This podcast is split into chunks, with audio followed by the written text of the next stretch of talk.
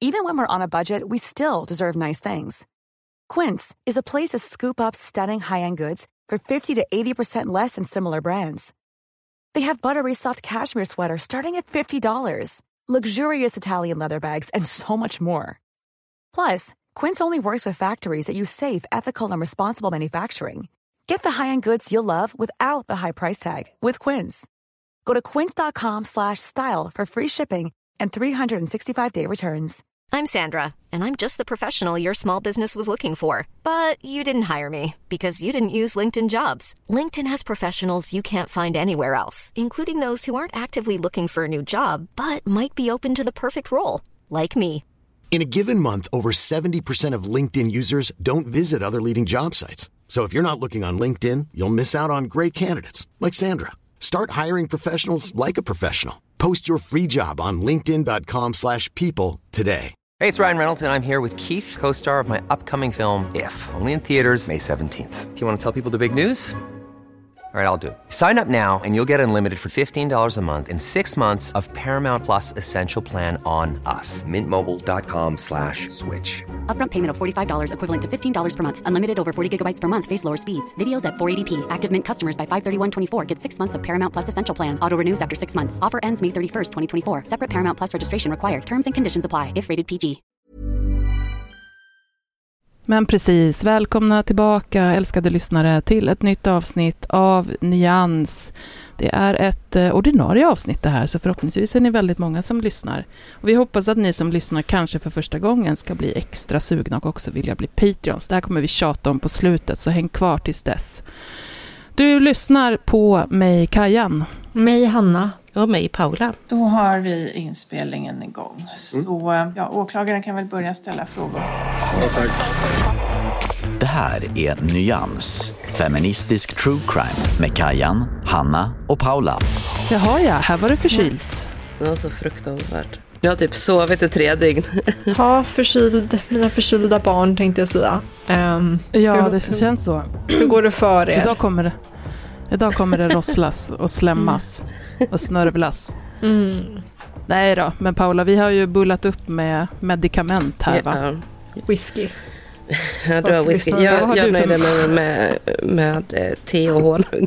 Bafusin som är det bästa. Har ni med halsont gått i flera år och försökt med typ Vicks halstabletter, Strepsils, bara kasta bort sånt där. Det funkar inte. Det är bara Bafusin som Mm. funkar. Är inte Baffusin jättegammalt? Jo. Alltså jag får att min mamma Jo. tog det på typ 60-talet. Jag, jag är uppvuxen med att ta eh, Baffusin.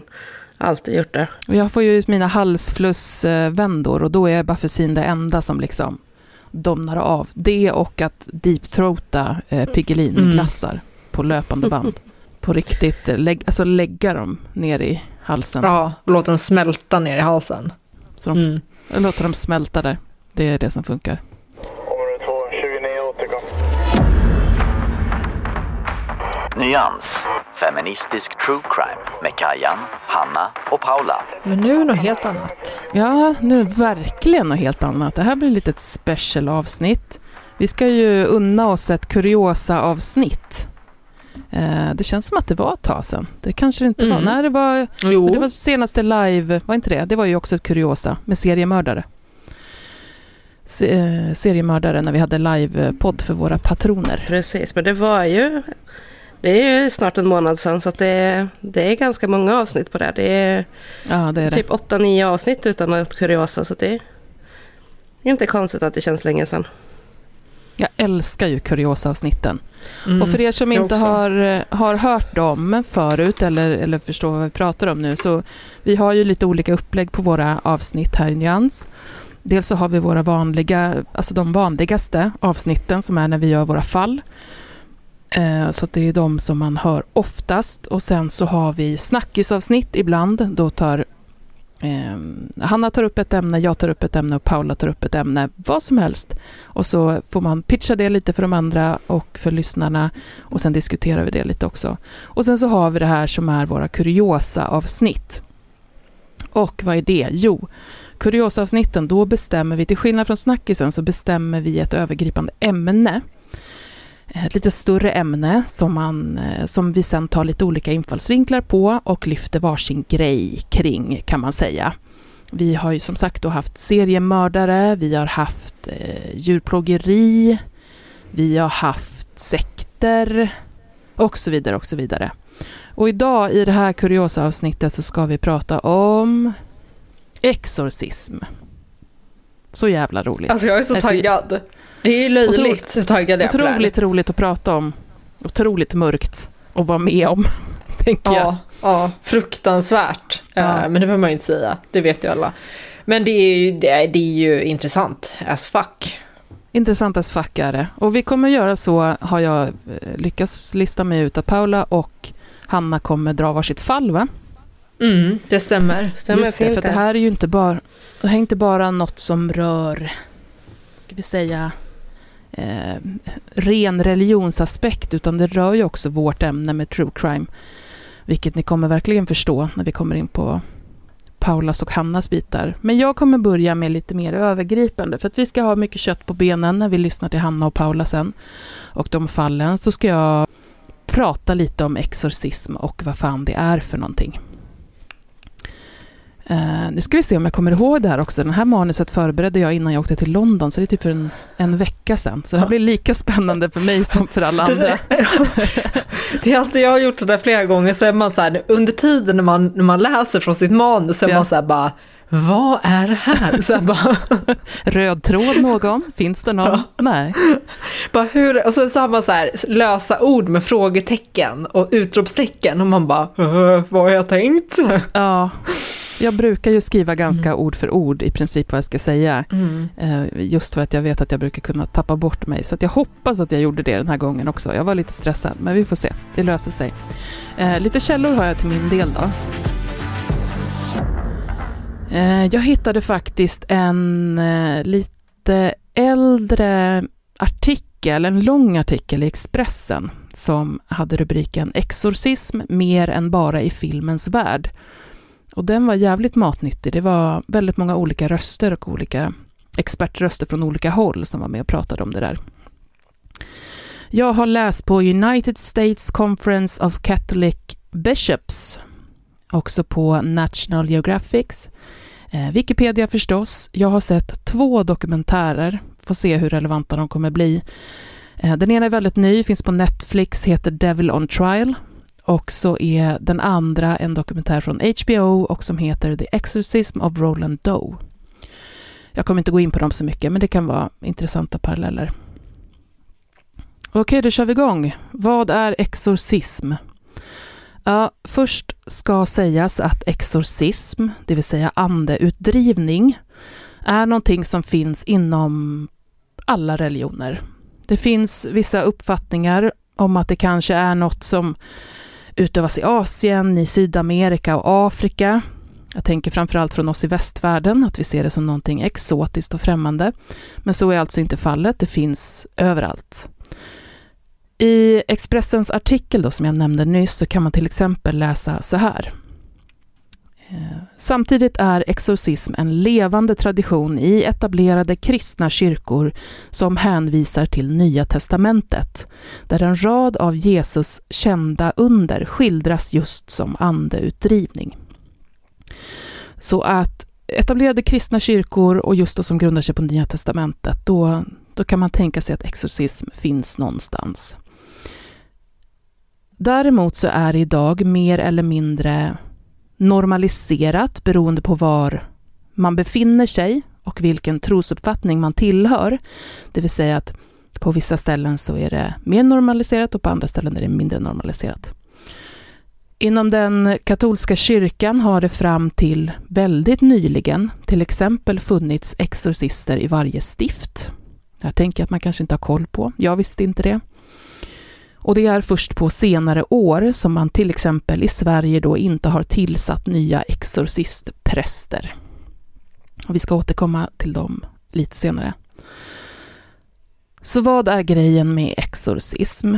Om man frågar United States Conference of Catholic Bishops, och det unnade jag mig att göra, så är det kort och gott en särskild form av bön som kyrkan använder mot djävulen och mot djävulska makter.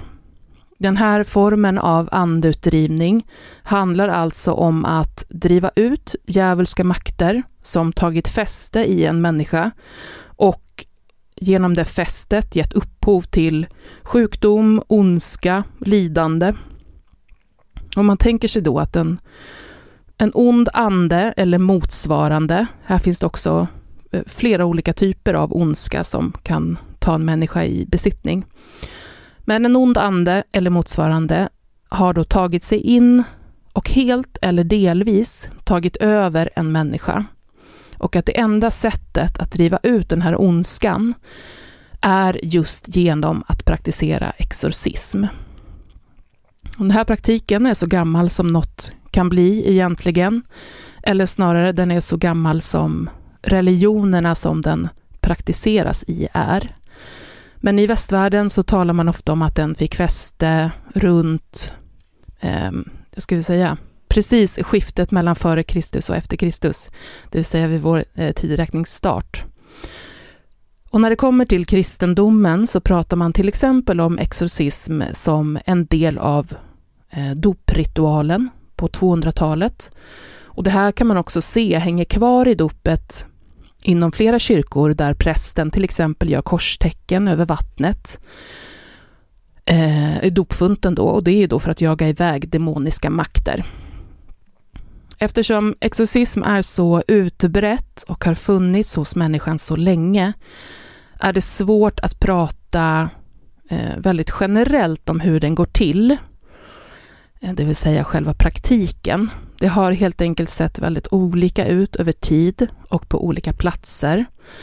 Men när man i vår kontext pratar om att se tecken av att någon har blivit besatt av ja, men djävulen eller en ond ande, så kan man till exempel prata om att hen då börjar eh, sky religiösa sammanhang.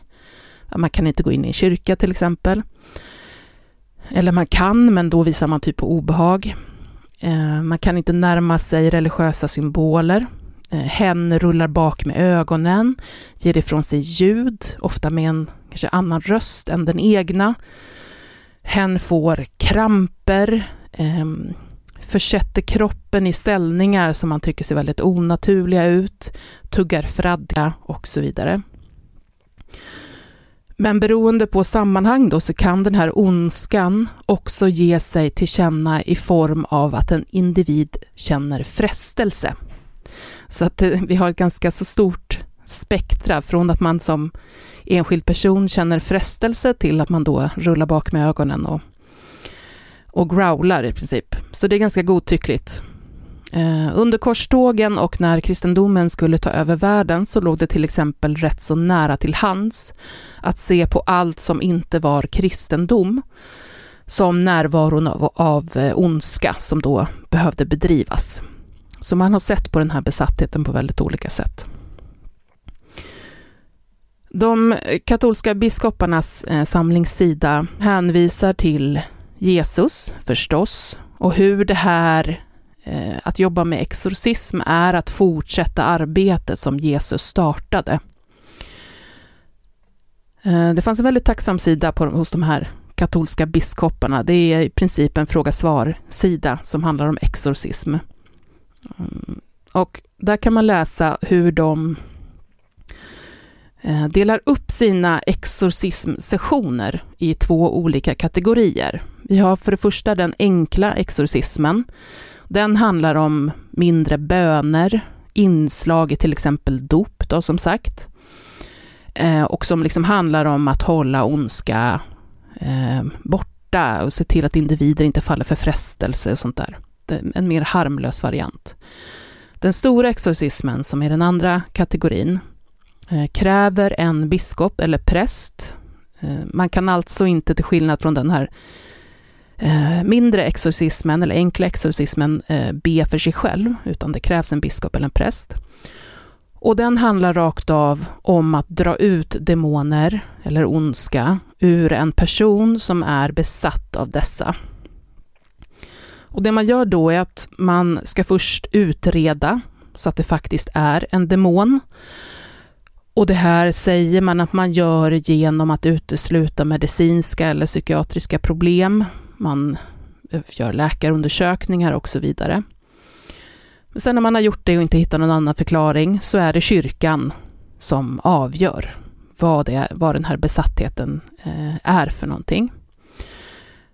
Och det som krävs för att en präst ska kunna bli exorcist och utöva exorcismer är att han har, jag skrev upp dem, följande egenskaper.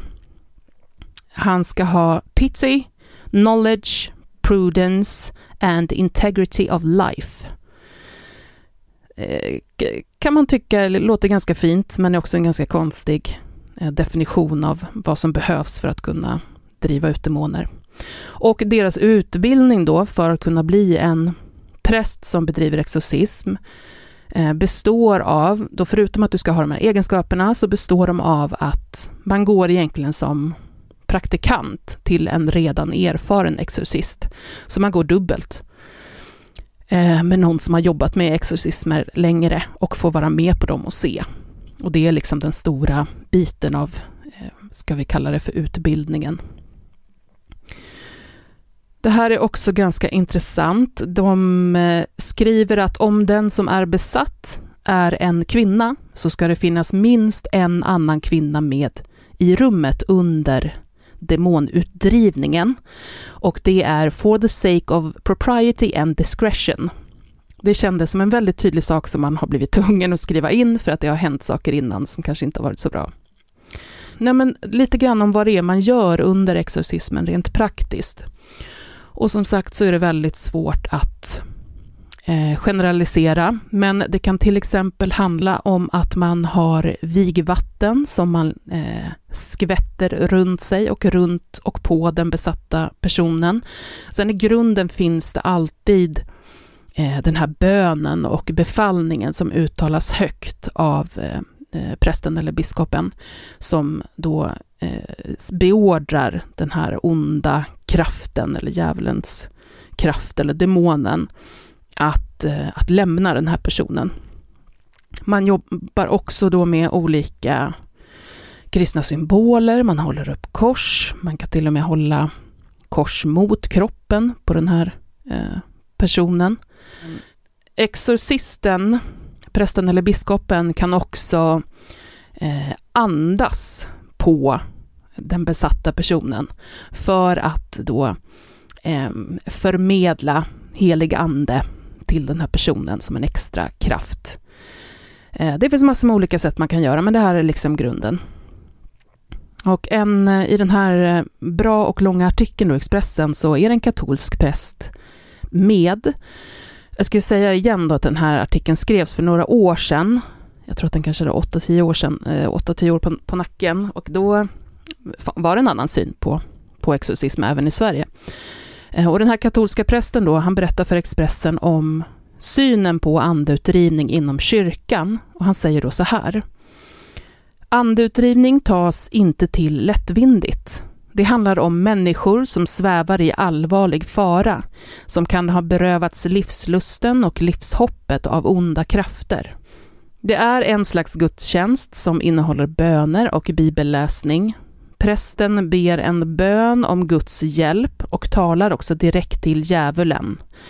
Jag besvär dig, Satan, du människosläktets fiende. Vik hädan från denne Guds tjänare. Eh, och så upprepar man det då, tills man märker att den här utdrivningen har, har lyckats. Jag ska nämna lite grann här om eh, de här dokumentärerna som jag såg. Eh, Devil on Trial, den såg jag idag. Den, är, den hade inte kommit upp tidigare, den är väldigt ny.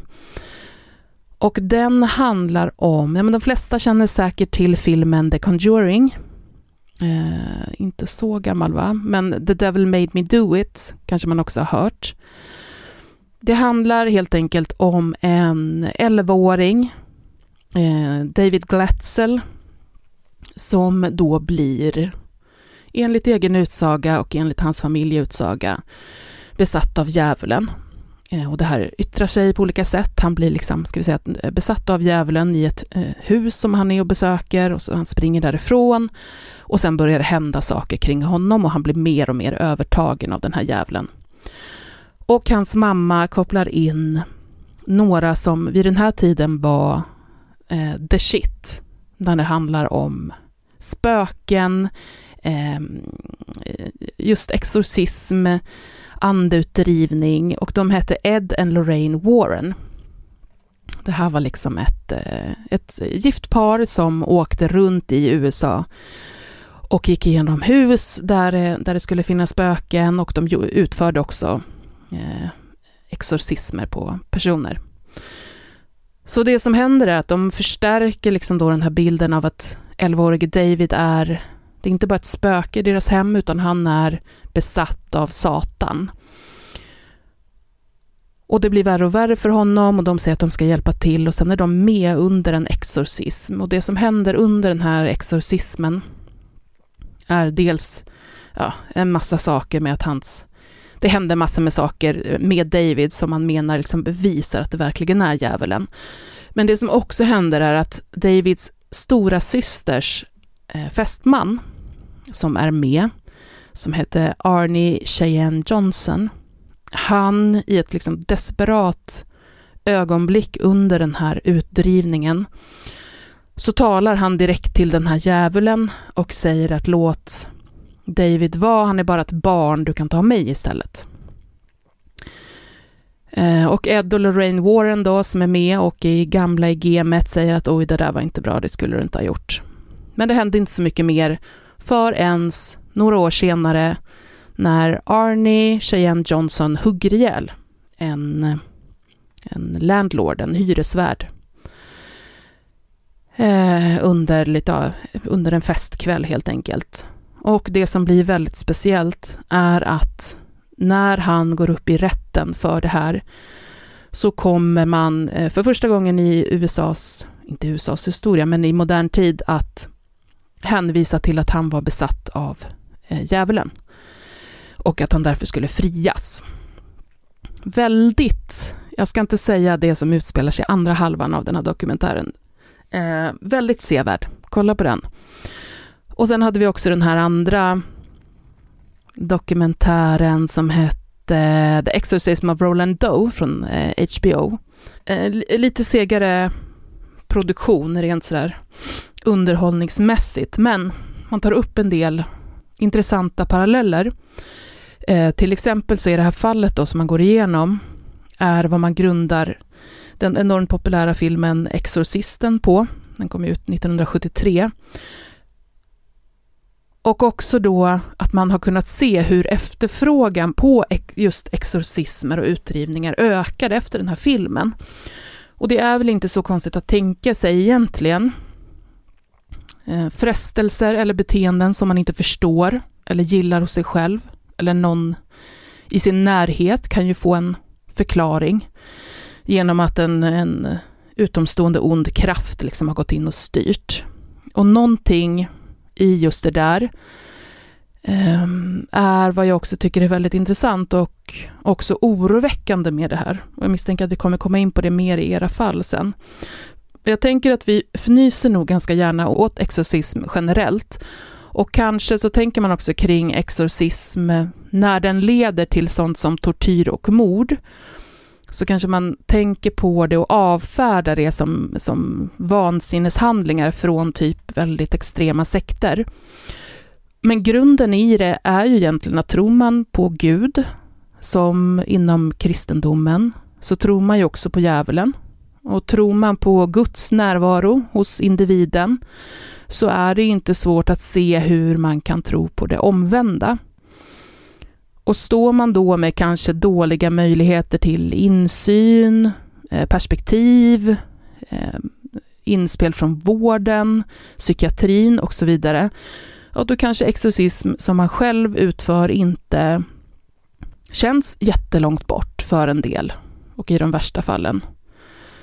För det ska vi komma ihåg också att det här handlar ju om från personen som utför exorcismen så handlar det ju oftast om en, en vilja till omsorg, alltså att skydda den här personen från något i den som, som man anser har liksom brutit sig in i, i den här personen som man kanske älskar eller är ens barn eller vad som helst. Jag är ju inte religiös eller troende själv, har aldrig varit. Eh, så för mig så är det här väldigt långt bort. För mig är ju exorcism lika verklighetsfrånvänt som när man pratar om änglavakt och att ha hört Guds röst.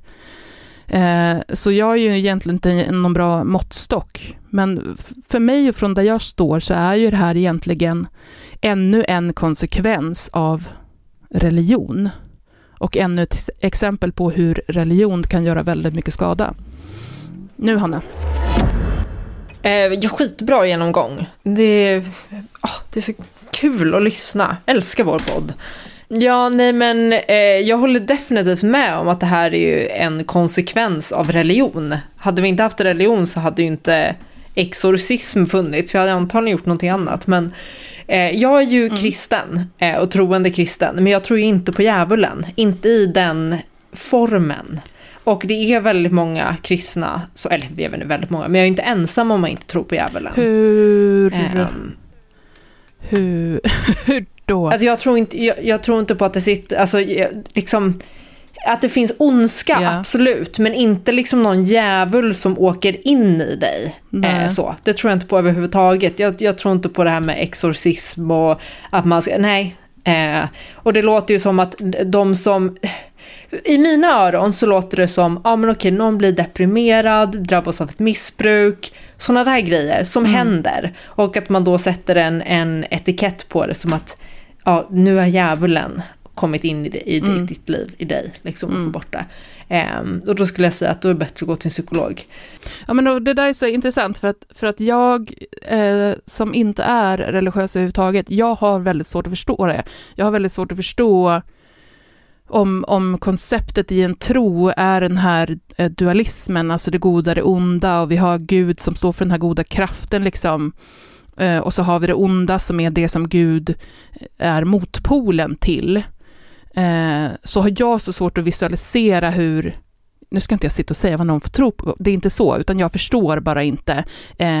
Förstår du? Att man kan välja russinen ur kakan på det sättet. Så för mig blir det liksom ett helhetskoncept och då blir så här exorcism, ja, skulle jag vara troende och jag skulle tro på den goda kraften genom Gud och då skulle jag, för mig känns det logiskt att jag då också skulle tro på den onda kraften från djävulen och att då skulle exorcism inte vara så långt borta. Ja, jag, jag, jag, jag har inte liksom den känslan med mig, eller den bilden med de här onda och goda krafterna som kämpar mot varandra. Jag, jag har inte den... Nej. Det är i alla fall min tro är inte baserat på det. Eh, utan, och sen så är jag väldigt mycket så här, jag kan inte förklara typ någonting. Och det ska man inte eh, behöva men göra jag tror heller. ändå. Liksom. Men, men för mig är det så här, Gud är god Eh, och det, det är det. Och det är därför jag tror att om vi alla ska komma till Gud och Gud är god.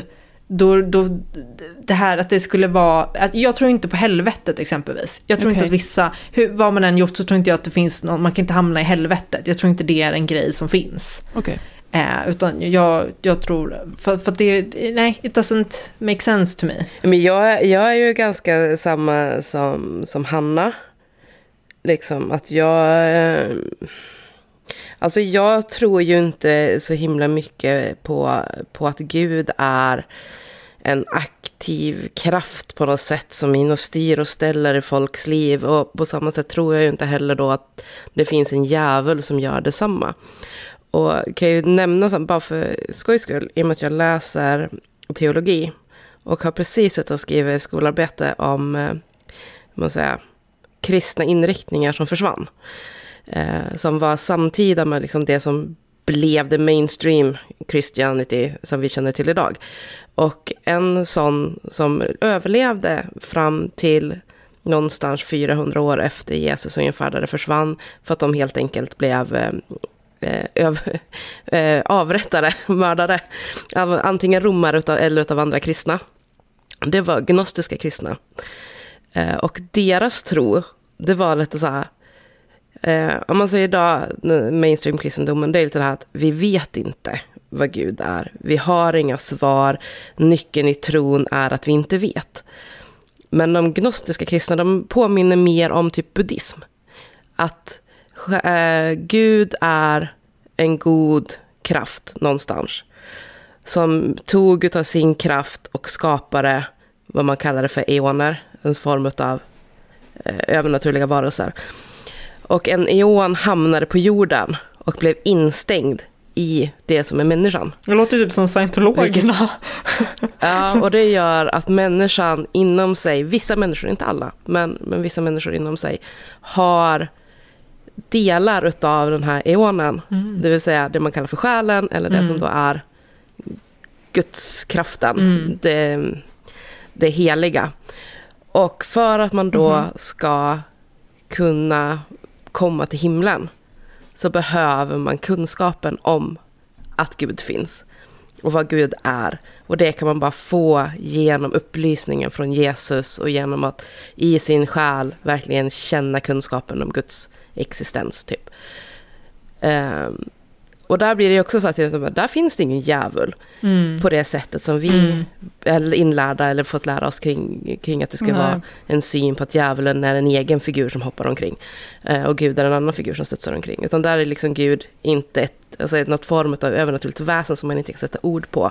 Och sen finns ett annat övernaturligt väsen som man inte kan sätta ord på som var den som gjorde jorden. Mm. Gud var inte den som skapade jorden utan det var det andra väsenet som skapade jorden. Och det andra väsenet var lite mer komplex än vad Gud är egentligen. Ja, det är jätterörigt, men jag tycker det är så himla intressant, för det är verkligen en sån grej som visar liksom att nej, nej, nej, det finns ingen röd tråd, det finns ja. ingen enda sanning i hur man kommer att tolka Bibeln eller tolka, och det menar en av de som var gnostiker som, som eh, man säga, var en av huvudpersonerna i den här trosinriktningen, mm. det var en av Jesus lärjungar. Så att det, det var mm. liksom redan från allra första stund så vart det liksom splittring och man började tolka olika om hur ska det Jesus sa eh, mm. tolkas, hur ska vi gå mm. vidare från det här, vad är sanningen liksom. Så att det har aldrig funnits någon form av enhetlig, så här ska man se på Gud, så här ska man tänka, så här ska det vara. Och jag tycker att det är jätteintressant, även när man pratar med ateister, om varför mm det blir så mycket skillnader i hur vi som ändå har någon form av gudstro ändå kan få så otroligt olika inställning till vad är det i religionen egentligen som, som tilltalar oss. Och för mig är det här med exorcism, alltså jag ställer mig lika tvekande till det som du gör, Kaja, Alltså jag tycker det är liksom helt bananas. Och, och jag kan se att det fyllde en funktion där för 2000 år sedan, 4000 år sedan. Alltså vi har ju i olika naturfolk också olika former av exorcism och shamaner och det ena med det andra. Liksom. Att när man inte har haft förståelse för varför vissa personer har fått en psykos, en svår depression, vanföreställningar och så vidare. Då har man ju behövt att sätta ord på det på något sätt. Hitta en förklaring på det på något sätt. Och där har det blivit liksom, ja men det måste handla om onda andar, någon och någon har kastat onda ögat, det var besvärjelser, det ena med det andra liksom. Och så har man hittat den typen av förklaring. Och så ska man försöka med andutdrivning då på något sätt för att driva ut det här onda och försöka få Men alltså, tillbaka alltså, sin ja. älskade. Liksom. Så har det alltid varit. Och det är ju fullt förståeligt. Mm. Mm. Man, man, jobbar ju med den kunskap som man har ja. liksom, och mm. försöker fylla, fylla i luckorna. Men det, det, är väl mer att det hänger, har hängt kvar så jävla länge som kan... Alltså jag blir bara, återigen, eh, ni, får, ni får ursäkta mitt mitt eh, tros, troslösa. Troslös. mitt troslösa. Mitt troslösa håll.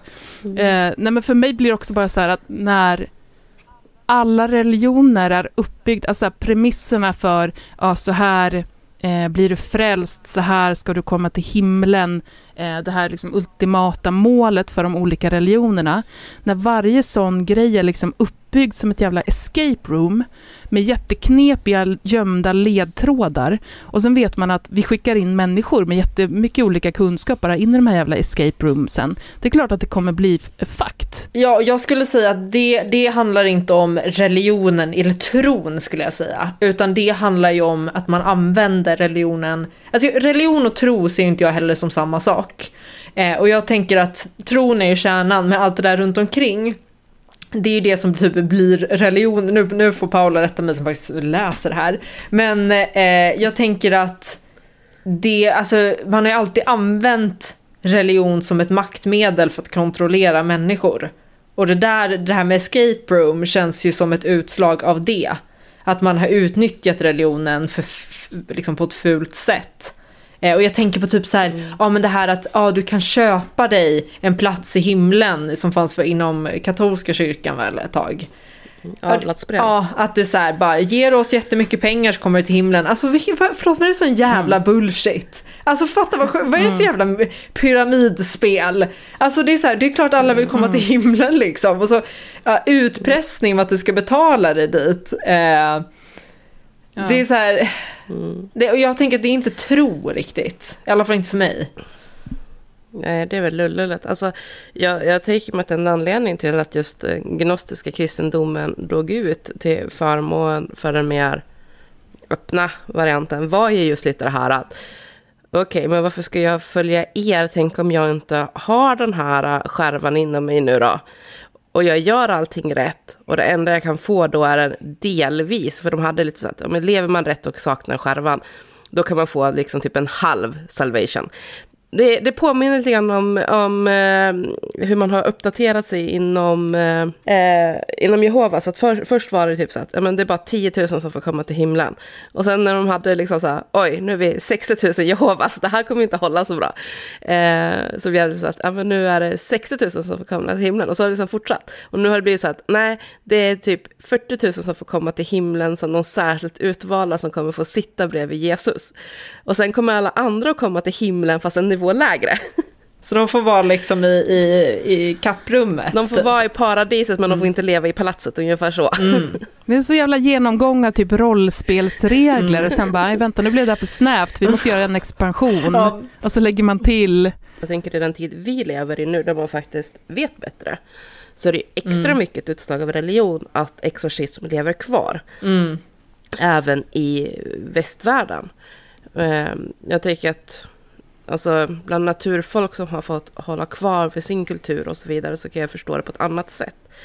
Men att det lever kvar i, i samhällen där man då har kunskap om psykiska sjukdomar och så vidare så har ju religionen en jättestor eh, inverkan på varför exorcismen lyckas leva kvar genom att man i mm. kyrkor, även i Sverige, fortfarande liksom står och lär ut mm. att eh, det här med modern psykologi och så är bullshit. Det handlar inte alls om psykisk ohälsa utan det är demoner och så vidare. Där man liksom snackar mm. ner och mer eller mindre uttalat förbjuder att uppsöka psykvården. Om man faktiskt mm. behöver den typen av hjälp. För att man säger att det är inte det det handlar om utan det är demoner och vi ska göra andeutdrivning istället. Ja.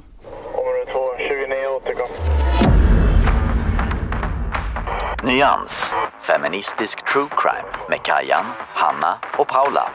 Det som är liksom intressant ur ett juridiskt perspektiv med exorcism är ju frågan om uppsåt.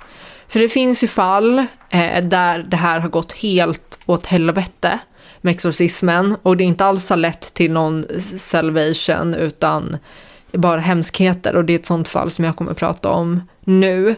Men det som är återigen intressant är ju just det här, hur ska man se på uppsåtet när någon utför en sån här ande, eller heter andeutdrivning?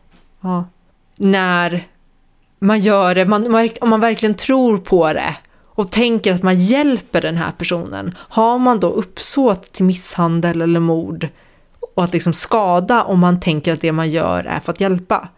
Och det blir en, en intressant uppsåts...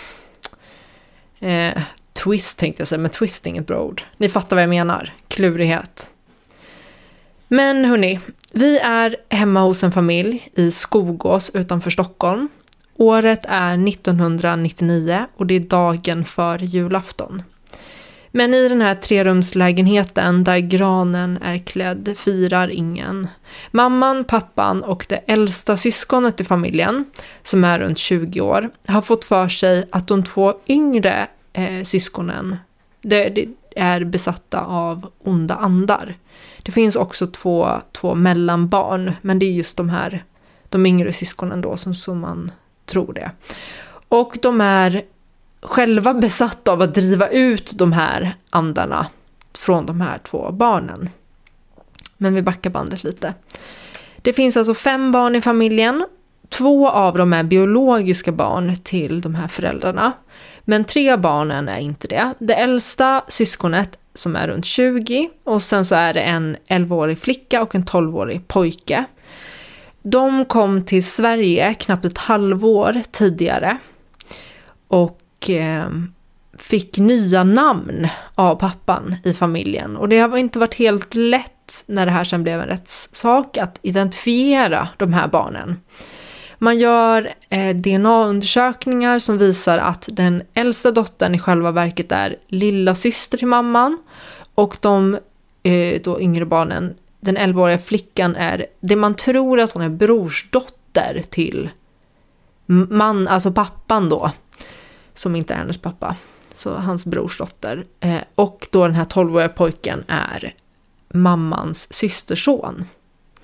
Familjen är djupt kristna och tror också då på onda andar och häxor och sånt. Och i media så står det, det här, alltså det här hände ju 1999, så det är liksom artiklarna är från 00. Eh, och i media står det att familjen kommer från Afrika. Och ingen mer precision än det, vilket var riktigt cringe. Eh, jag kände bara, åh gud, jag måste hitta Liksom, jag kan inte bara sitta och säga att de kom från Afrika liksom. Men jag, jag har läst massor av artiklar och någonstans så jag att det stod att de kom från Kongo-Kinshasa. Så att jag kommer utgå från att det är Kongo-Kinshasa, men det är inte helt, helt klart. Um, ja. Och kort efter att de här tre barnen kommer till Sverige ja, den äldsta är ju inte ett barn, men jag säger det nu. Eh, så börjar det hända konstiga saker. Eh, det här berättar tonårsdottern om och mamman och pappan i rätten. Alla missöden som man upplever i livet, arbetslöshet, sjukdomar, tillskrivs de här eh, yngre barnen, 11-åringen och 12-åringen. Och så småningom så drar man eh, kopplingen att det måste vara så att de här barnen blivit besatta av andar när de då varit i, som det står i, i artiklarna, i Afrika. Och de försöker då driva ut de här andarna med bön. Och i början, så som jag förstår det, så är det mer liksom light-versionen. Man ber tillsammans för att driva ut dem. Eh, men det här övergår successivt till en värre och värre misshandel. Det blir en väldigt grov misshandel. Eh, och det här leder, den här misshandeln leder till slut till att 11-åringen, flickan, eh, mördas. Och enligt åklagaren så har hon då blivit kvävd av en bibel som trycktes mot hennes ansikte. Och i rätten så, så beskriver då pappan att han blev så arg över att hon inte ville läsa i Bibeln. Att han tryckte den mot hennes ansikte och höll kvar den liksom länge. Mamman, pappan och den här tonårsdottern eh, blir alla tre åtalade för, nu sa jag tonårsdottern, hon är inte tonåring, 20 års 20-åring. Åtalas för mord eh, på den här 11-åringen och sen åtalas de också för försök till mord på 12-åringen. Och i, i, i rätten så medger de alla tre den här misshandeln, men nekar till eh, att det är mord. Och de, mamman och pappan skyller då på den här 20-åriga dottern och menar på att det är hon som har liksom drivit på och påstått det här och fått dem att tänka så och sådär. Så de skyller ifrån sig på henne. Men, men som jag förstår det så, så hävdar åklagaren i alla fall att och de, ja, de erkänner väl i liksom beskrivningen av vad som har hänt att, att det är pappan framförallt som har liksom gjort själva den gärningen då, men med uppmuntran och stöd av de två andra, att de har liksom, ja, hjälpt till. Eh, och den här, i, den här dottern då, eh, den äldsta dottern, påstår Eh, i rätten att det är nära släktingar i Kongo-Kinshasa som ville ta död på familjen och att de därför skickade de här två 11 och 12-åringen som då var besatta. Att det var liksom en medveten, man, man bes, ja, gjorde de här barnen besatta och skickade dem för att ja, ha död på dem. Eh, och det jag tycker var så hemskt för att, för att i rätten så yrkar eh, pojken på skadestånd men ingen yrkar något skadestånd för flickans räkning för att man har inte, hennes identitet är inte känd. Så att man vet inte riktigt vem hon är och hennes anhöriga har inte underrättats. Och man kan ju man kan ju fundera kring hur långt man gick för att, för att hitta de här. Det kan ju vara så att man försökte jättemycket, det, det vet jag ingenting om, men jag bara tyckte att det var så, ah, jag fick så ont i hjärtat liksom. Eh, att det inte, eh, ja. Dagen före att flickan dog så uppsökte hon sjukvård efter att ha blivit allvarligt brännskadad. Jag kommer inte gå in på liksom, detaljer i den här misshandeln, men den var väldigt grov. Och det var inte bara det här att hon, att hon då eh, kvävdes av Bibeln, utan det, före det så var det en väldigt grov misshandel. Så pass att hon ja, behövde uppsöka sjukvård för allvarliga brännskador, bland annat. Och två gånger innan dödsmisshandel hade polisen faktiskt varit hemma hos familjen och knackat på för att grannar hade hört skrik och man hade kommit på pojken sittande liksom ensam ute i hallen, alltså i trapphuset. Eh, och så att polisen hade varit där två gånger. Eh, men ingen, ingen hade, det hade inte skett något, ingen hade ingripit. Eh, I rätten så skriver, tingsrätten skriver att ingen av dem hade uppsåt att döda barnen. Men då framförallt mannen visade total likgiltighet för vilka effekter hans handlande kunde få. Så det, det, är något slags, man kommer fram till att det rör sig om ett likgiltighetsuppsåt i den här situationen.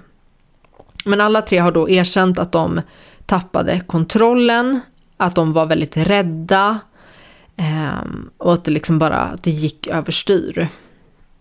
Och i både tingsrätt och hovrätt så döms pappan till livstidsfängelse. Och mamman och den äldsta eh, dottern då döms till fyra års fängelse var. Och det är ju då för att man anser att det, det, det är ju pappan liksom som, som gjorde den fysiska handlingen. Och jag, jag, jag känner mig... Ja, det var en jävla skillnad. Ja, jag, jag tror inte att det hade blivit så stor skillnad idag. Eh, jag tror inte att de hade bara fått fyra års fängelse var. Eh, för att jag tror att man hade sett det som att de, de agerade tillsammans och i samförstånd. Och då spelar ja. det ju ingen roll vem som ja. gör själva handlingen. Men det här är ju eh, väldigt lång tid sedan. Eh, och mm. den här äldsta dottern blir också utvisad från Sverige på livstid.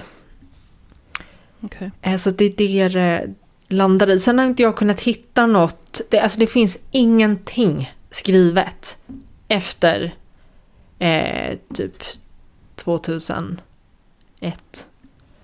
Det finns, någon, det finns några, några få artiklar där man liksom pratar allmänt om exorcism och då man nämner det här fallet. Mm. Men jag, vad jag har kunnat se så ofta, det nämns väldigt felaktigt. Där man skriver, man skriver mm. ofta att det här att det här är barn till, alltså att det är mamma och pappa till de här barnen, men det är ju inte det. Eh, och det, var, det, det, är så mycket omständigheter kring att de här barnen också kom till Sverige. Eh, och hur det gick till och att det, hur inte det liksom fångades upp på något sätt. Jag vet inte. Eh, det, det har varit lite svårt att liksom, ta sig an det här. Eh, jag hade gärna velat veta om eh, liksom, vad, vad den här pappan, hur länge han fick sitta. Han sitter, min gissning är att han mm. inte sitter fortfarande i fängelse. Det hade varit intressant att veta hur länge livstid blev för honom och så vidare. Men, men mm. eh, ja. Det är det det blev. Vad tycker du om det här eh, med likgiltighetsuppsåt? Jag, Inte bara i det här fallet kanske, utan generellt då med ja, men jag tro, exorcism ja, som leder till död. Jag, jag, tror att det är, det, att det är rätt eh, att tänka likgiltighetsuppsåt eh, i en sån här. För att, mm. Eller alltså det beror, på, det också, det beror ju på. Jag, jag, tänker man att okej okay, nu ska jag, jag måste hjälpa dig och driva ut de här onda andarna. Om du, om du då dör på kuppen så kommer jag ändå göra det. Då, då skulle jag säga att om då kanske mm. det är direkt uppsåt eh, ändå och inte likgiltigt. Mm. Så det, det är ju beroende på. Men, men är det så att man liksom, är det så att man genomför det här och man faktiskt tänker att så här, jag räddar ditt liv. Det här är liksom, mm. du dör om jag inte gör det här. Då blir ja. och den här genu sen kan det vara svårt att visa, liksom, bevisa hur exakt den här personen resonerar. Men om man slår fast att det är så, då är det ju väldigt svårt att säga att du hade uppsåt att döda. Eh, men är det däremot mm. så att, att du tänker så här, nu ska jag rädda ditt liv, jag kanske råkar döda dig på kuppen. Ja men då skulle jag säga att det är mm. likgiltighetsuppsåt. Fan knepigt alltså, för jag tänkte på det när du pratade nu att i den här dokumentären Devil on Trial, mm Um, det vill säga den här 11-åriga pojken då som, som blir besatt först. När de tar med honom för att göra den här eh, stora exorcismen hos kyrkan, eh, då säger prästerna som är närvarande till, för hans familj är ju med då, säger de att så här, i, i, det är inte säkert att man överlever det här. För när det är väldigt allvarliga fall så är det inte säkert att man överlever ut, utdrivningen. Och då är det så här, att till och med flagga för det, som sagt, det här är ett fall som faktiskt har skett. Och man tänker sig då att präster liksom till och med flaggar för att äh, är det inte alla som överlever den här utdrivningen. Så känns det som att det här är ju någonting man vet och någonting som man räknar med är en, en faktisk risk. Alltså, jag vill ändå så här, nej, nej. Eh, vad, vad man ska ta gränsen för jag tänker att det finns ju medicinska situationer jag tänkte också på medicinska. Nu får vi tänka liksom på de här som, eh, jag tänker så, nu får man tänka på de här som gör det här. De är ju extremt övertygade ja. som du är inne på Hanna. Att mest troligt så står de och tänker att så här, det, mitt barn kommer dö eller det här barnet kommer dö om inte vi gör den här grejen. Och det finns mm. ju situationer där man säger till liksom föräldrar typ att ja, vi behöver göra den här operationen på ditt barn. Men risken är att barnet dör. Mm. Och mm. om vi inte gör operationen så kanske barnet överlever sig och så länge. Mm. Eh, hur vill ni göra? Och jag ser till någonstans här att börjar man tumma någonstans på att vetskapen om att ett barn kan dö i sig skulle göra att det finns ett, ett uppsåt för mord. Då börjar det bli lite så här, ja, hade man något uppsåt till mord när man la barnet på en eh, ett operationsbord med vetskapen om att nu kanske barnet dör för att vi ska skära i det här barnet. Mm. Nej, men jag tänker att ändå att... Liv. För, för jag tror ja. att det är lite det här att... Det finns ju ett undantag för sjukvård där man har sagt att där är det liksom eh, fritt fram. Nej, inte fritt mm. fram är det inte, men, men det, den gränsdragningen har, har, man ju bara gjort. Men jag, jag är helt med. Mm. Jag, jag funderade också på det där, just att... Eh, men, men jag tror... Eh, jag tänker lite också på det här med till exempel man själv förvållat rus och sånt där. Då är det ju så här, mm. ah, har du knarkat och du ser demoner och går runt och skjuter de här demonerna och sen visar det sig vara människor. Då har ju inte, du har ju uppsåt till att döda demoner som inte finns på riktigt mm. liksom. Eh, men mm, mm. är det självförvållat så, så bara säger man nej, det här blir liksom, du har uppsåt, sorry, men så, du har försatt dig i den här situationen själv. Och jag tänker att man kan dra lite paralleller till det också. Eh, mm. Just det, det är intressant. Du, du, har för, du har börjat tro och försatt dig i att bli troende. Du borde inte ha bott i, eh, nu kommer jag inte på någon eh, troende stad, men ja. Jönköping kanske. Ja, ganska söder. ja. Vad heter den där lilla Nej, byn visst, som men... är eh, de här Plymouth, Plymouthbröderna? Vad är det för by? Smålandsstenar. Du har, bott, du har flyttade till Smålandsstenar. Skyll dig själv. nej, nej, men ni fattar vad jag menar. alltså, sen är juridiken är ju lite, lite eh, den är ju inte perfekt. Ibland så säger man ju bara att nej, det här, det här är, jag skiter i vad du, om du tror, tror på någon kraft. Du har ändå gjort, gjort själva handlingen. Um, Mm. Och jag tror också med det samhället vi har idag, åt det hållet vi går åt, så skulle jag säga att det blir mer och mer åt det hållet. Att domstol, alltså, nu är väl inte det här supervanligt, men jag har svårt att se att en domstol skulle, skulle köpa att så här, du trodde du räddade barnet när du piskade det och brände det liksom. Nej men vi kommer ju längre och längre ja. bort ifrån det som en liksom rimlig förklaring. Ja. Uh, och det händer ganska fort ju. Ja. Det kan man ju bara se på liksom att katolska kyrkan liksom bara de senaste åren Mm. inte har tillsatt präster för det här. Jag menar, det, har, det går väldigt fort. Mm. Så att, och det är, självklart så kommer det påverka eh, juridiken eller eh, rättspraxis i alla fall med hur man ser på det. Mm. Så är det ju. Mm. Nu är Paulos tur. Jag måste bara säga, jag måste bara säga nu, eh, både till Magnus och till er och sen även ifall det läcker över till lyssnarna. Jag har en klänning på mig som i friktion med mitt skrivbord låter som att jag sitter och pruttar hela tiden så här. Det är, Magnus, det är inte jag som pruttar. Men jag ska försöka ta bort armbågarna från bordet. Men om, ni, om det har kommit igenom och ni har hört något sånt här, det är inte jag som pruttar. Jag tror att det kan Jag hörde ingenting nu ens när du skulle visa, eh, förklara hur det lät. Inte? Så att, eh, Ah, Okej. Ah. Område 2, 29 återkom. Nyans. Feministisk true crime med Kajan, Hanna och Paula.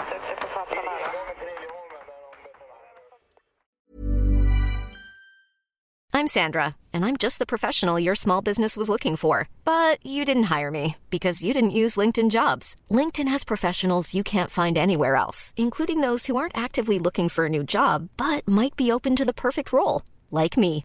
In a given month, over 70% of LinkedIn users don't visit other leading job sites. So if you're not looking on LinkedIn, you'll miss out on great candidates like Sandra. Start hiring professionals like a professional. Post your free job on linkedin.com/people today. Hey, it's Ryan Reynolds, and I'm here with Keith, co star of my upcoming film, If, only in theaters, May 17th. Do you want to tell people the big news?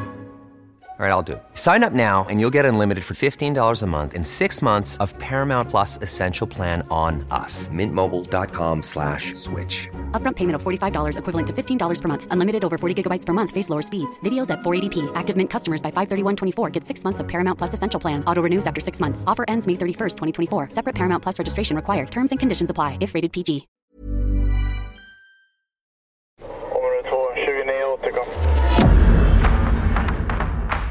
Nyans.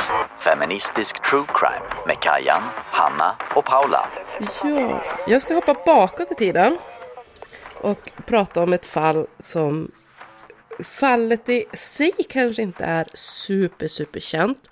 Men det finns en mycket, mycket känd skräckfilm som heter The Exorcism of, Exorcisms of Emily Rose. Ehm, amerikansk skräckfilm.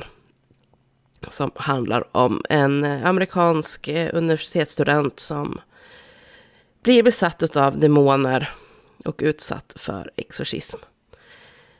Och den eh, är löst baserat, eller ja, det är väldigt, jag vet inte vad man säger, det, det, det utspelar sig i fel land, i fel tid och lite sånt där. Så att på många sätt är den löst baserad på den här, det här verkliga fallet. Men det är ganska mycket grejer som de har tagit ifrån det faktiska, verkliga fallet. Om hur det gick till och sådär. Så jag ska har prata vi liksom om... täckt in, eh, täckt in tre skräckfilmer ju i det här. Ja, Det känns som att det verkligen är, gud vad de grundar dem på, på verkliga fall alltså. Ja, ja, och just Warrens som du berättar om. Eh, Mm. Det finns det ju ganska många filmer som bygger på deras. Ja. Förutom The Conjuring, jag tror att det finns en sån fem, sex Mm. filmer om deras olika. Okej. Amityville Horrors är- till exempel är en annan Warren. Som bygger på Är inte du en eh, skräckisfantast? Jo. Jo, just det. Tyckte väl det. Gud så intressant. Ja. Jag klarar ju inte av skräckisar alls. Nej, nej. Nej, då har inte du sett jag att du har. Annelies. Eh, eller det har, The Exorcisms of Emily Rose. Nej, jag kan inget om det, så jag är Ja. lite rädd men väldigt taggad. Ja. Eh, ett eh, skäl till att den här, det här fallet har blivit så pass känt-ish genom skräckfilmer eh, är det faktum att det är ett väldigt väldokumenterat fall ändå. Vilket gör i Karlsson kanske att det inte skrivs mer om det specifika fallet utan det blir mer det fiction-grejerna utifrån fallet som folk får lära sig om. Men bland annat så finns det en lång rad inspelningar från exorcismerna. Och hur det lät när man skulle göra de här exorcismerna. Jag tänkte jag skulle spela upp för er lite hur det kunde låta. När man då hade exorcism med henne. Så ska vi gå tillbaka sen och berätta lite mer om det här. Det finns på Youtube. Eh, där man har lagt ihop i princip alla inspelningarna som finns. Vilket då uppkommer i en och en halv timme material med exorcismljuder från det här. Och då låter det lite så här. Ja.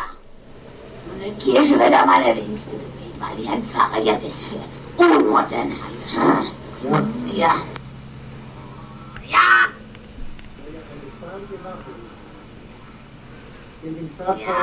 Ja. Ja, gegen uns. Och så där fortsätter det. Och i de här exorcisminspelningarna, en, en av de här grejerna som man tryckte mycket på då till varför de här besatt, alltså att, att Annelise verkligen var besatt av demoner, är att hon börjar prata gammelgrekiska, väldigt gammal hebreiska Eh, och språk som man menar att hon helt enkelt inte borde kunna. Men som hon ändå börjar rabbla saker på. Men för att backa bandet då. Annelies Mitchell eh, uttalas antagligen någonting helt annorlunda eftersom hon är från Tyskland. Men jag tänker inte just nu försöka mig på ett korrekt tyskt uttal på det här. Hon föddes i alla fall 1952 och dog 1976. Då var hon alltså 23 år gammal. Eh, och när Annelies var 16 år så eh, fick hon ett sånt här grand mal eh, epileptiskt anfall.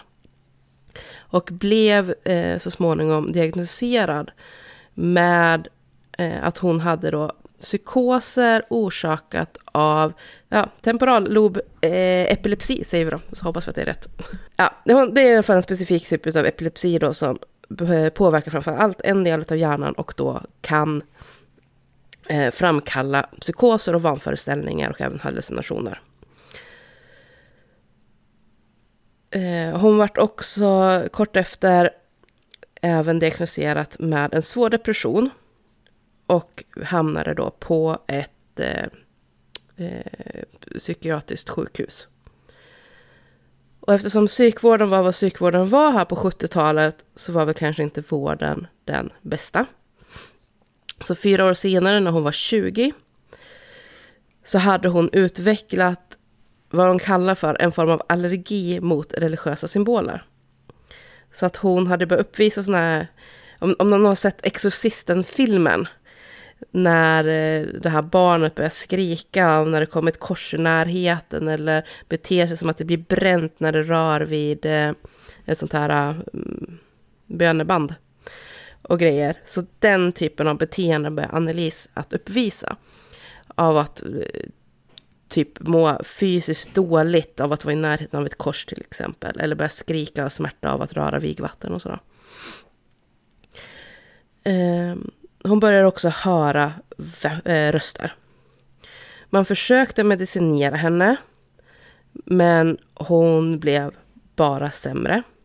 Hon försökte flera gånger att ta livet av sig. Och efteråt så tillskrev hon det till de här eh, demonerna som, som besatte henne. Att det var inte hon som skar sig i armarna eller försökte ta sitt liv, utan det var demonerna som gjorde det mot henne. Men man försökte ge henne olika typer av behandling, man provade en massa olika grejer, men ingenting funkade. Det blev bara värre och värre. Eh, efter ungefär fem år av att man hade gått de här behandlingarna och hon även hade fått psykosmedicin under de här fem åren plus medicin då mot depressionerna eh, och mot epilepsin och inte någonting blev bättre så började familjen tänka att hon var eh, besatt av en demon eller flera demoner. Så man kontaktar eh, den katolska kyrkan och ber om tillstånd för att få göra en exorcism. Vilket man godkänner från katolska kyrkan eh, 1975. Och eh, prästerna som utsätts för att göra de här eh, exorcismsessionerna eh, säger åt då föräldrarna att för att det här ska funka så kan vi inte fortsätta, kan inte fortsätta medicinera. De här eh, medicinerna mot psykosen och mot epilepsin och så kommer motverka eh, funktionen i exorcismen. Så ni måste sluta medicinera. Familjen lyssnar på detta. Och man tar Annelise ifrån det här sjukhuset där hon har varit och man slutar prata med läkarna om Annelies behandling. Eh, och exorcismerna börjar. Och givetvis funkar de inte. Man gör totalt 67 sessioner av exorcism mot Annelise. Åh oh, gud! Hon slutar att äta, hon slutar att dricka och hon dör till sist av svält, 23 år gammal. Men varför det här fallet också då är intressant för oss och varför jag vill titta på det är då att efter att Annelise dör eh, så ställs föräldrarna och då den ansvarige prästen inför rätta för hennes död. Och de döms, de åtalas och de blir också dömda för mord genom neglekt. Jag tror inte vi har något liknande sånt i Sverige. Men i Tyskland finns det så att det jag skulle säga att det nog påminner lite grann om ett form av likgiltighetsuppsåt. Att man helt enkelt har varit likgiltig inför Annelies eh, hälsostatus och det faktum att hon slutade äta och dricka eh, och man lät det fortgå och därmed var likgiltig inför risken att hon skulle kunna dö av det här och att man inte försökte ge henne adekvat vård för att hjälpa henne när hon inte längre åt och drack. Vi har ju det här med att om man är i en garantställning, att man kan vara skyldig, att, det blir den här neglekt då. Men är man inte garantställning så har man ingen skyldighet att agera. Men har du för någon anledning, liksom, ja men till exempel vårdnadshavare med små, eller med, med barn, inte små, mindreåriga barn, eh, har ju en garantställning. Och då måste de ju se till att, liksom, mm. vad heter det? Jag vet inte vad neglekt heter på svenska, men folk vet. Vi har inget bra ord för det. Försummelse. Typ. Försummelse. Försummelse, ja, vanvård. sak. Ja. Mm. Och det är det, alltså det, det intressanta här är väl liksom lite det här att, ja, du säger det här med, med mindreåriga, så att det faktum ändå att Annelies var vuxen. Att det blir någonstans det här att kunde hon, var hon i position att säga nej till det här? Eller var hon fortfarande i en så pass beroendeställning till föräldrarna att de hade makten över henne. Och det är väl lite det man kommer fram till.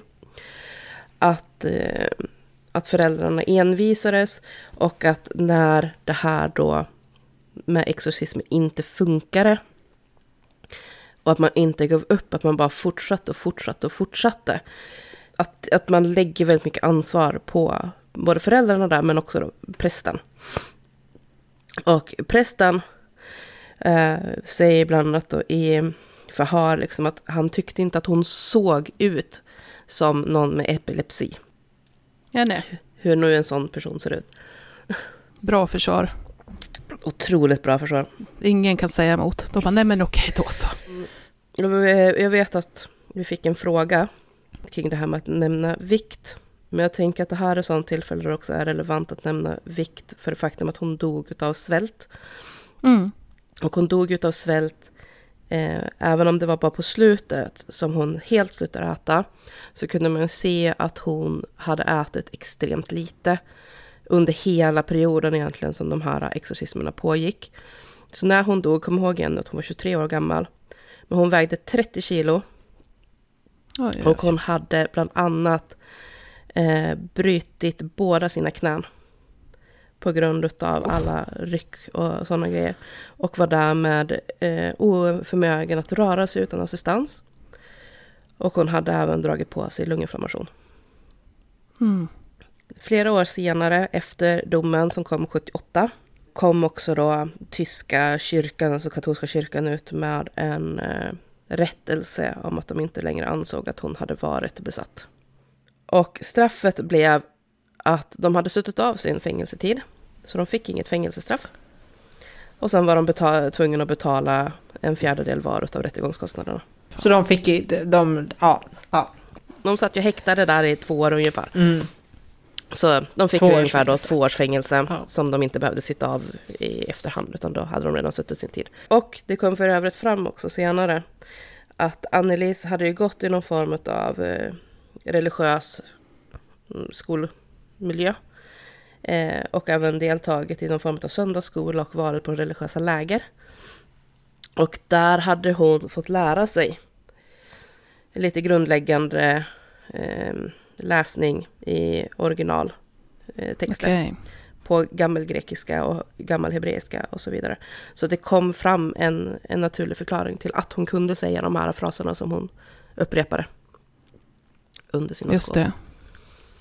Jag tänkte på det när du berättade just den passagen, att det är som väldig skillnad då från det här eh, Devil on Trial med 11-åriga David Glatzel, för att han, eh, det är liksom en återkommande sak att man säger ja, men profanities, man svär väldigt, man säger fula saker mm. som ska vara liksom, gå väldigt emot den karaktär man har egentligen. Och han sa ju också han hade också den här, eh, ganska likt med rösten, det här ganska, nästan låter som när katter bråkar med varandra, mm. alltså väldigt äh, obehagligt. Men, men de svordomar som han sa var ju väldigt så här, alltså amerikanskt, cocksucker, mm. you bitch. Lite som också exorcismen, your mother sucking cocks in hell. Ja, precis. Och där man också blir så här, ja, jag vet inte hur de motiverar det, men så här, har de den mörkaste kraften av djävulen här? Är det, Cocksucker han skulle... Ja. han skulle... Det värsta ja, man kan komma, okay. komma på.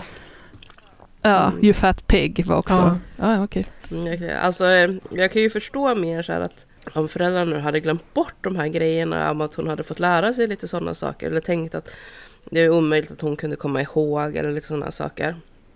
Och prästerna inte alls visste om att hon hade fått lära sig eh, lite gammel originalspråk liksom. Att de ser det som något form av tecken liksom att oj den här ja, 23-åriga, 22 var hon väl ungefär när exorcismerna började då.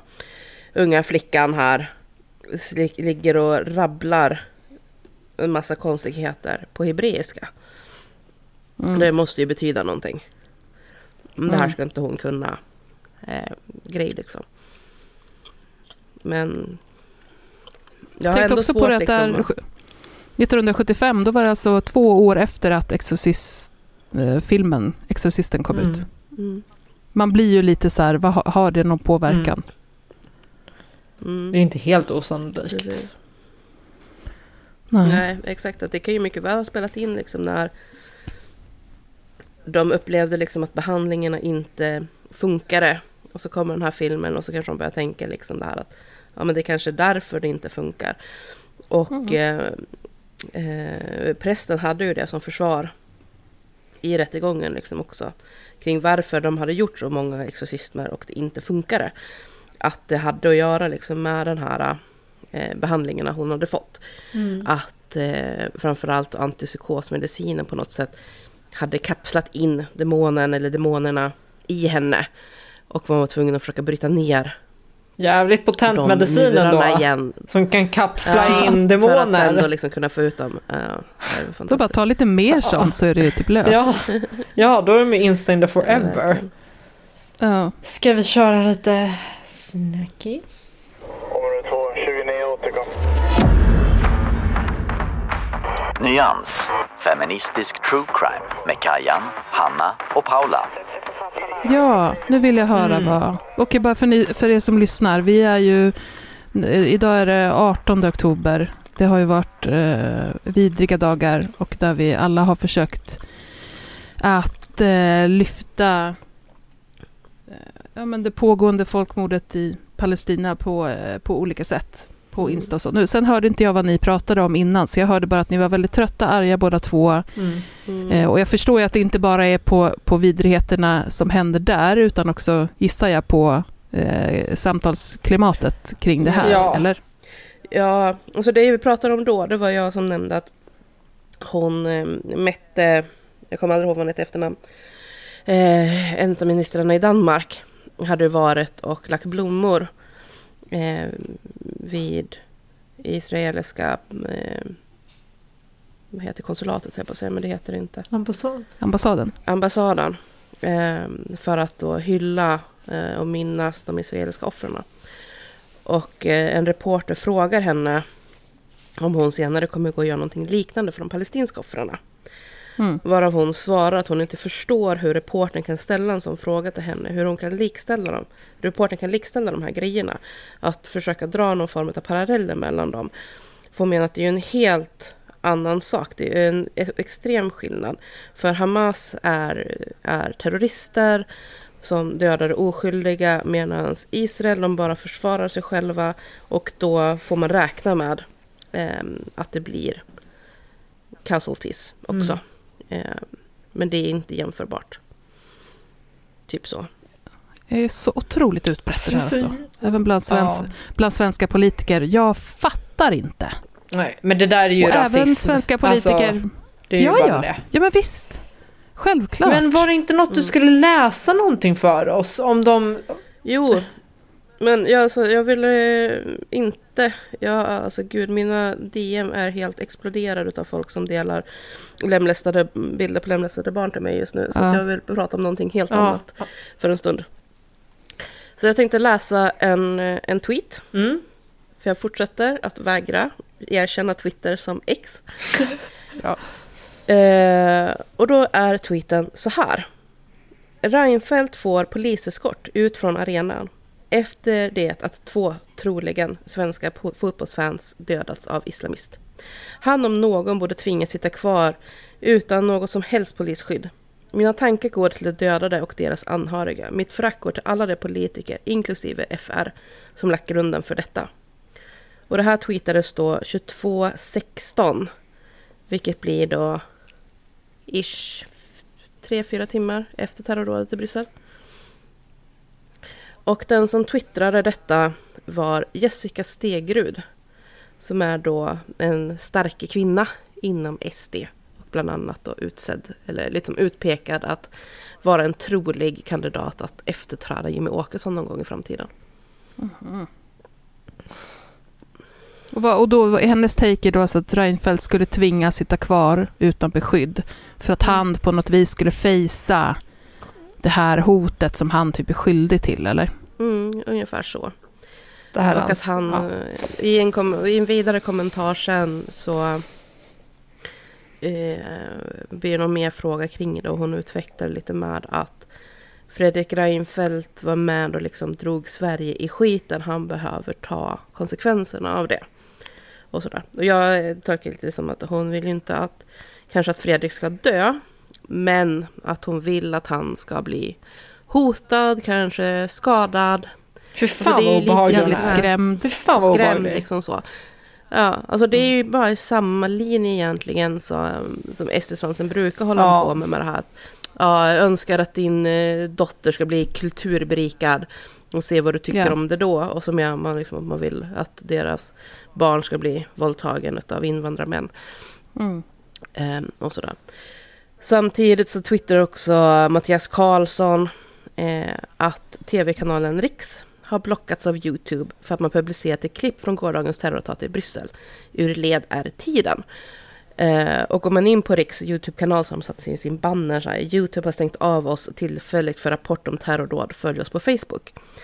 Eh, och jag gick in och kollade på deras Facebook, för där hade de nämligen också lagt upp allting som de lägger upp på Youtube, mm. lägger de också mm. på sin Facebook. Och där ligger det här klippet kvar. Eh, så det de hade publicerat är alltså ett klipp där någon mobilfirmar ena mordet. Jag antar att det är ena mordet, för det man ser så är det väldigt svårt att tro att det var den personen som lyckades överleva. Mm. Men där alltså den här uh, terroristen jagade fatt en människa. Man kan inte se då, man hör bara att först är det skott och han springer. Eh, det är någon som springer framför honom, han springer efter, så är de bakom en pelare. Han skjuter igen eh, personen som han har sprungit i kapp faller liksom som in i bild. Eh, och ligger på marken. Terroristen går förbi honom, går några steg, ändrar sig, vänder tillbaka och så ser man i bild hur han knäpper den här mannen som nu ligger på marken eh, ytterligare om det en eller två gånger. Och sen går vidare och sen bryts filmen. Och jag tycker att det är fullständigt förståeligt att ja. lägger man ut det här på Youtube så bryter det mot Youtubes ja. regler och de kommer att säga att faktiskt, det här är inte okej, okay, nu får inte ni posta på ett tag. Jag tycker det är konstigt att, Nej, att det får ligga ute på Facebook. Jag tycker också att det är jättekonstigt att det får ligga kvar mm. där. Otroligt konstigt. Mm. Det där är ju så här forsan grejer Forsan hade du kunnat, alltså skitkonstigt. Facebook, äh, vet du, Flashback hade jag förväntat mig ja. på också. Att det kan läggas ut och få ligga kvar. Men, men det som gör mig så himla förbannad, alltså de la ju upp det där klippet mindre än ett dygn efter att terrorattentatet hade skett. Mm. Och lite så här, ah, okej, okay. ja, men det är bra att veta att ni bryr er så jävla mycket om offren och deras mm. anhöriga. Att det här är vad ni gör ja, för att vinna visst. poäng i att hata muslimer. Och att bygga sin egen jävla offerkofta, vilket mm. är helt absurt. Du lägger upp ett filmat mord på YouTube. Det bryter mot precis alla regler som, som någonsin har funnits på, på YouTube mm. och som alla vet om och det blir nedplockat och du grinar om att du blir censurerad. Mm. Ja men ja, verkligen. Så... Alltså grejen är så här. Jag kan tänka mig så här. Säg att det hade varit en, en eh, islam, eh, muslimsk tv-kanal. Eh, mm. Men säg typ så Al Jazeera hade slängt upp mm. det där utan någon vidare kommentar. De hade mm. varit så jävla förbannade. Så ja. otroligt jävla förbannade. Även om det läggs upp utan någon form av kontext. Utan bara typ, här är footage av eh, terrordådet i Bryssel. Ingenting mm. mer, bara lagt upp, upp det så. Så hade man varit så jävla förbannad över respektlösheten. Men när de mm. gör det så ska det vara okej okay, och så ska de lipa över att de fick paus ifrån YouTube och inte får posta något mer just nu. Då kan vi lägga till då, för jag passade på att kolla lite grann vad deras senaste videos var för någonting. Eh, utöver att de hade lagt upp det här liksom. Och då hade de också då i, apropå det här terrorrådet så har de ett video som, eh, där de sitter och pratar med någon sd i Bryssel, eh, som vi sitter i EU-parlamentet, och eh, diskuterar då hur att ha muslimer i sitt land utan tvekan kommer innebära våld, våldtäkter och förnedringsrån och annat skit. Det går inte att samexistera med muslimer. Det är den ena videon. Sen den andra är att eh, svenska politiker ska inte eh, grina över den här situationen, för det borde man ha fattat redan. För ett mångkulturellt samhälle kommer aldrig funka. Eh, och där lyfter de också då att det har varit eh, pro-palestinska demonstrationer i Sverige. Och menar typ att alla som har varit på de demonstrationerna borde utvisas. För att de visar att deras lojalitet inte är med Sverige utan med någonting annat. Och eh, menar också att alla som går på en pro-palestinsk demonstration är Hamas-anhängare. Alltså jag tycker hela den här... Som ursäktar Hamas terrordåd. Allt det här med när de börjar prata om lojalitet tycker jag blir så jävla obehagligt. Ja. Det blir direkt superobehagligt. Ja. Major red ja, flag. Verkligen. Ja. Ganska generellt faktiskt. Om någon börjar prata om lojaliteter. Ja. Mm. Då, då ska du nog backa, ja. backa undan från... Från den relationen.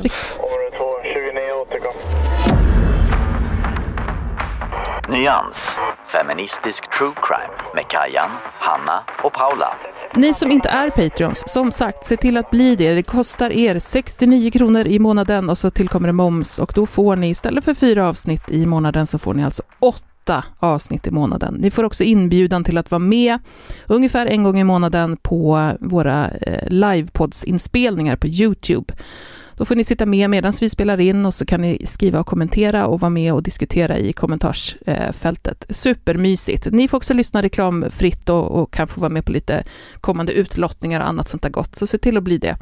Eh, Hanna kommer vilja säga att ni ska ge oss fem stjärnor eh, där ni lyssnar. Och det, det, tycker vi också är bra, typ på Spotify. Ge oss bra omdömen helt enkelt, för då, då eh, hjälper ni oss att se till att fler kan lyssna. Följ oss på Instagram, var med och diskutera där, skicka DM till oss om det är någonting och så eh, hoppas vi nu att vi eh, hörs i nästa avsnitt som är ett bonusavsnitt. Tack för idag! Tack och hej! Hej då!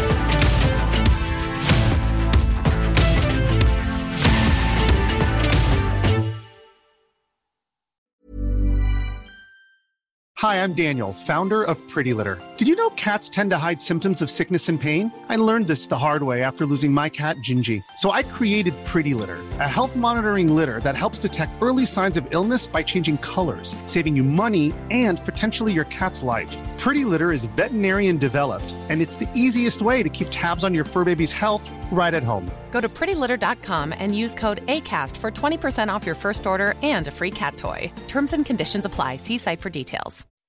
When you make decisions for your company, you look for the no-brainers. If you have a lot of mailing to do, stamps.com is the ultimate no-brainer. Use the stamps.com mobile app to mail everything you need to keep your business running with up to 89% off USPS and UPS. Make the same no-brainer decision as over 1 million other businesses with stamps.com. Use code program for a special offer. That's stamps.com, code program.